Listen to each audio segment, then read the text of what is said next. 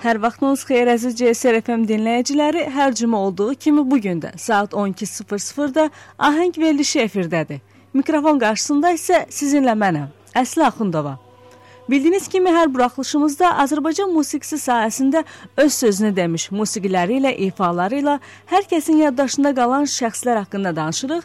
Bu gün də ənənəmizə sadiq qalaraq bəstəkar, pedaqoq, Xormeister Azərbaycanın xalq artisti, yaradıcılığında xor musiqisi janrı əsas yer tutan Cahangir Cahangirov haqqında danışacağıq.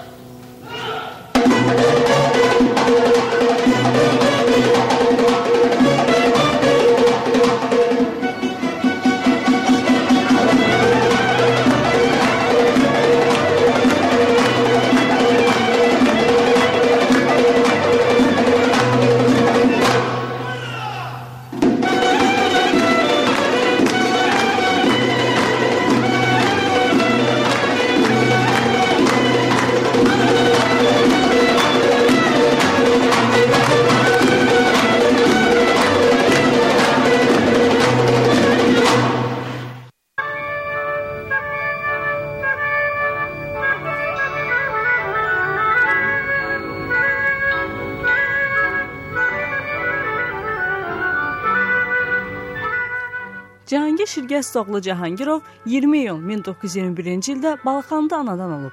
Neftçi ailəsində dünyaya göz açan Cahangir Cahangirovun qohum əqrabasından kimsə bəlkə də onun görkəmli musiqi xadimi və məşhur bəstəkar kimi yetişəcəyini xəyalına belə gətirməzdi. Ancaq bu belə oldu. Respublikanın xalq artisti professor Cahangir Cahangirovun geniş dinləyici kütləsi arasında tanınması 1949-cu ilə təsadüf edir. O zaman Azərbaycan bəstəkarlarının yaradıcılığına baxış keçirilirdi. Baxışda iştirak edən gənc Cahangirovun Arazın otayında vokal simfonik poeması hamının diqqətini cəlb etdi. Poemanın sözləri Mədinə Gülgünün və Əli Tudənindir. Xalqın azadlıq uğrunda mübarizəsini tərənnüm edən bu əsər bir il sonra dövlət mükafatına layiq görüldü.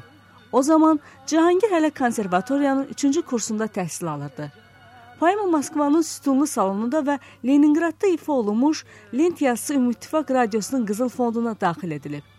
Yeri gəlmişkən qeyd edək ki, sonralar bəstəkarın əsas yaradıcılıq istiqamətini müəyyənləşdirən və inkişaf etdirən cəhətlər həmin əsərdə ilk dəfə özünü biruzə verib.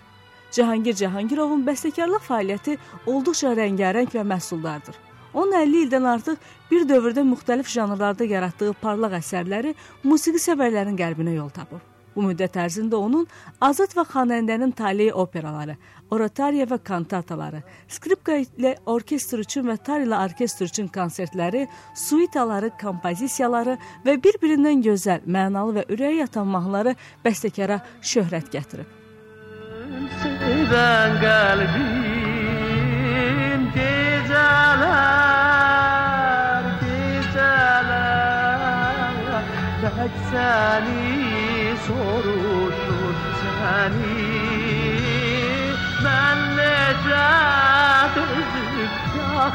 yaxın gəl quzum Gecələr uzun gecələr Gecələr, gecələr Tək səni soruşur səni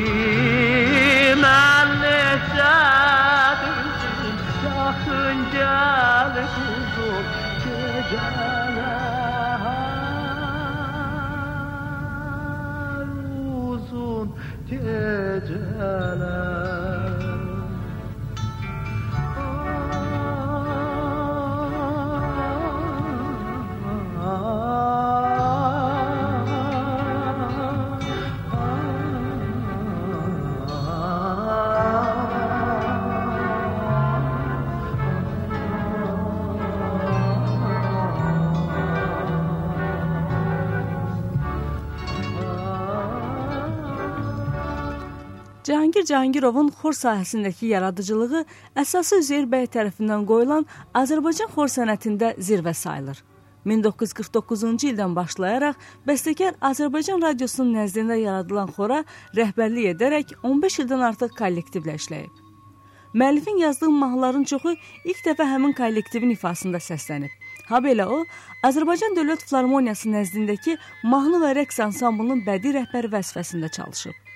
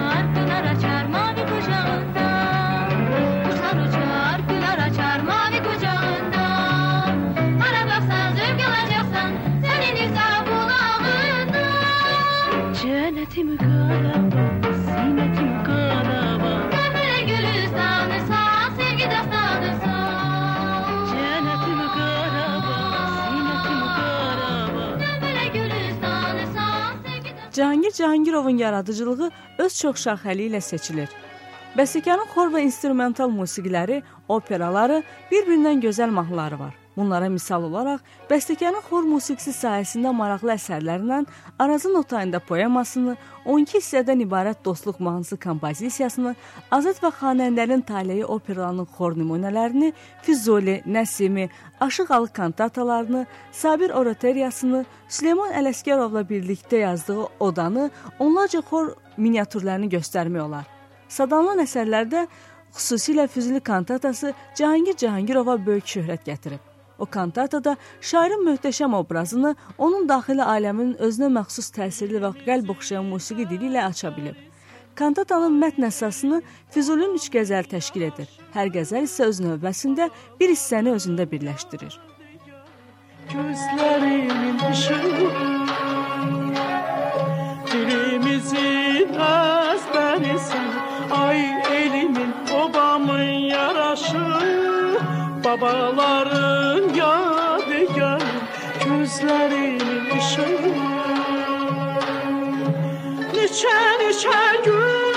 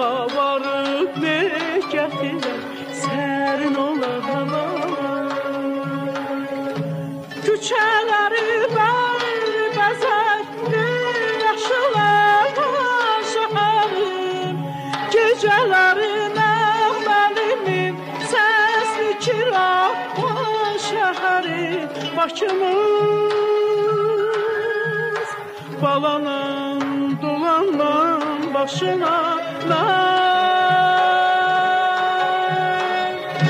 Külay sesimiz Torpağı doğma temiz. Sen benimsen Bakı mənim məskənimsən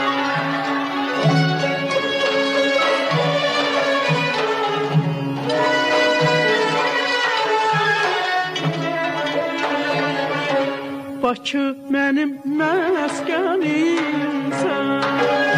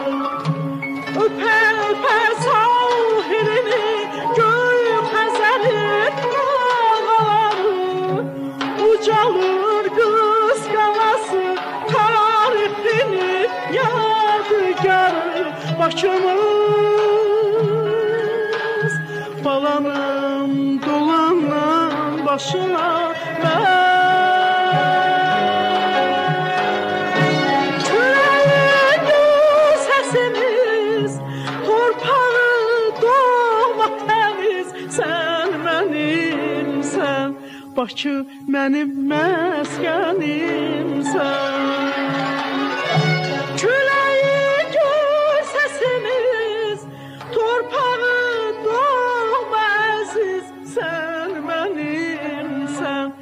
Bakı mənim 1949-cu ildə Arazın Otayında vokal simfonik poemasını yaradır və bu əsərə görə SSR Dövlət Mükafatı laureatı adına layiq görülür. 1950-ci ildə Arazın Otayında poeması Moskvanın sütunlu salonunda və Leningradda ifa olunmuş, lent yazısı isə Ümumİttifaq Radiosunun Qızıl Fonduna daxil edilib. 1962-ci ildə Mirzə Ələkbər Sabirin 100 illik yubileyi münasibəti ilə xor və simfonik orkestr üçün Sabir oratoriyasını yazıb. Cahangir Cahangirov Azad və Xanəndelin taleyi aldığı iki operanın müəllifidir. Hər iki əsərində Cahangirov musiqi klassikimizin korifeyi Üzeyir Hacıbəyovun sənət əsərli ənənələrini davam etdirib. Xanəndənin taleyi operası inqilabdan əvvəl Azərbaycanda yaşamış məşhur xanəndə Seyid Mirbabayevin acı taleyindən bəhs edir. Ey gün gözündə ağlar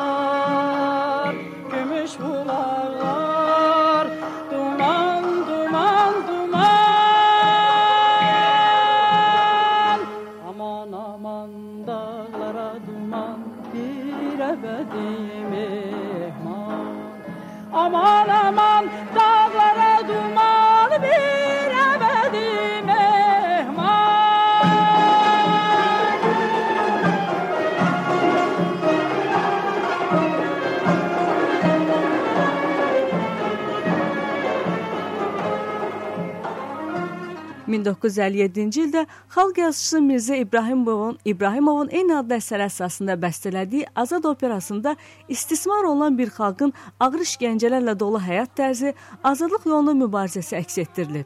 Liberattonun müəllifi və tamaşanın quruluşçu rejissoru Kərim Kərimovdur. Sənə and içirəm, tez gələrəm, məni düşünsən. Axan buludlar, Halkamız var güller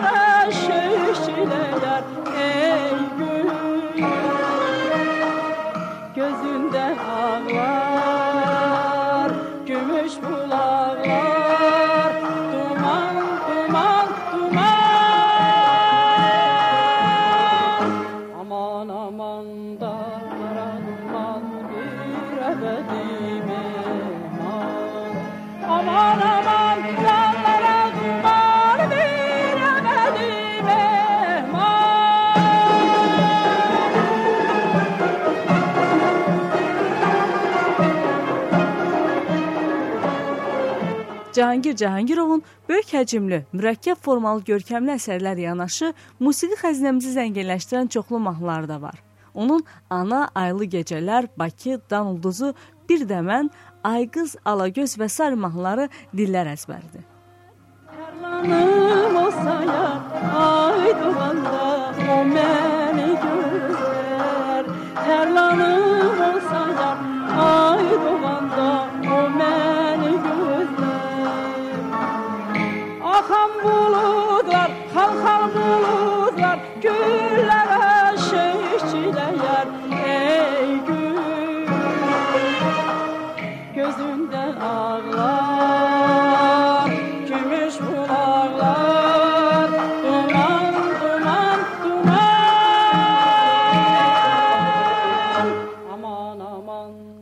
Cahangir Cahangirovun bəzi gözəl mahnıları məhz teatr tamaşalarından, ekrandan ayrılaraq xalq arasında yayılıb. Bu mənada Yenilməz Batalyon filmindən Teymurun mahnısını, Koroğlu filmindən Xanəndə qızın mahnısını, Dəli Kür filmindən Ana Kür və Bayatlar mahnılarını yada salmaq olar. Bu mahnılarda lirik ifadə çox güclüdür.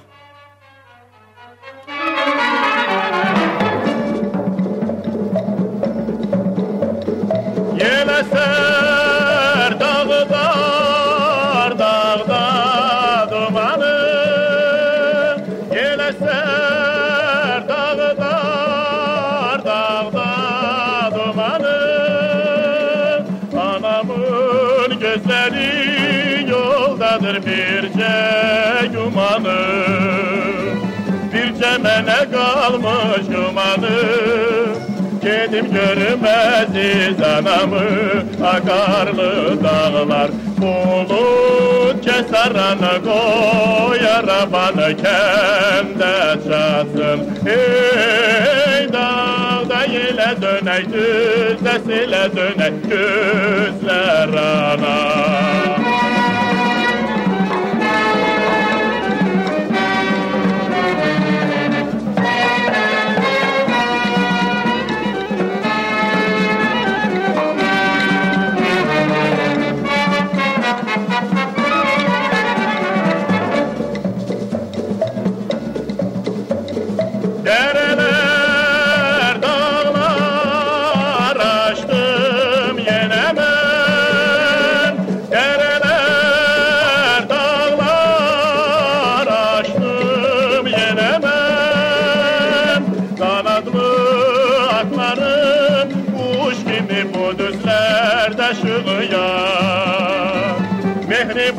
Bozat şehrim.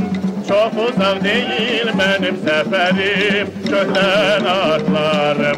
Bulut cesaranı koy Arabanı kemde satsın. Ey dağda yele dönek Düzde sile dönek Gözler anam. Akarlı dağlar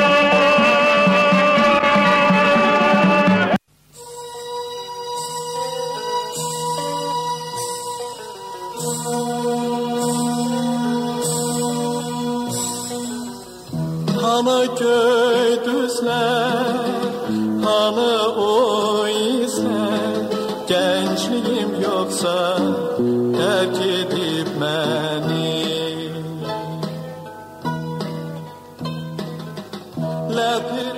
Cahangir Cahangirovun mahnılarında söz və musiqi üzvü surətdə müəlliflərin də əməyini və istedadını təqdir etməmək olmaz. Uzun müddət Cahangirov Zeynal Cabbarzadə, İslam Səfərli və Rəfi, Rafiq Zəhka ilə birlikdə çalışıb. Cahangir Cahangirov klassiklərin yaradıcılığına da müraciət etmiş, ürək yatımlı mahnı və romanslar yazıb. Hələ 1947-ci ildə Nizamın anadan olmasının 800 illik yubileyi günlərində bəstəkar şairin sözlərinə Gül Camalın romansını və xor üçün qəzəl əsərini yazıb.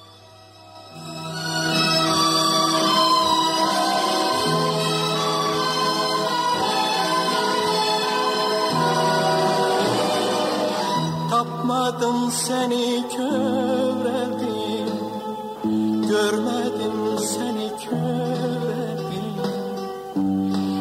Eyesiz gençliğimde Bak mənə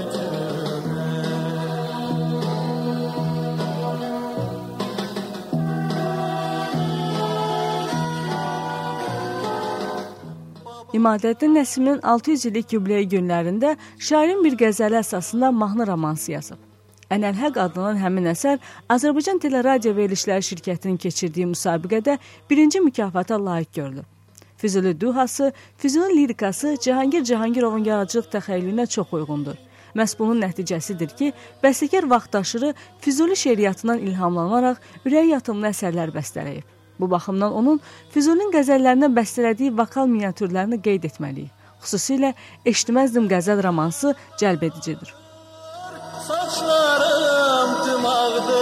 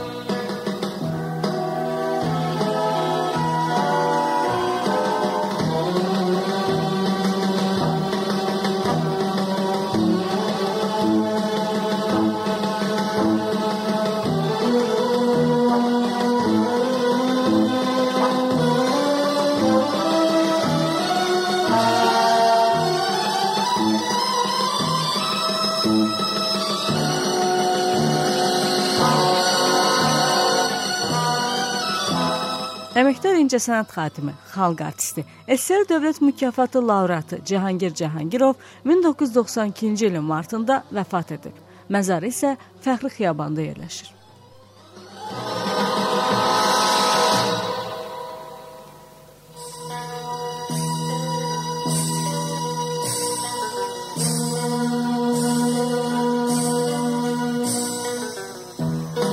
Yüze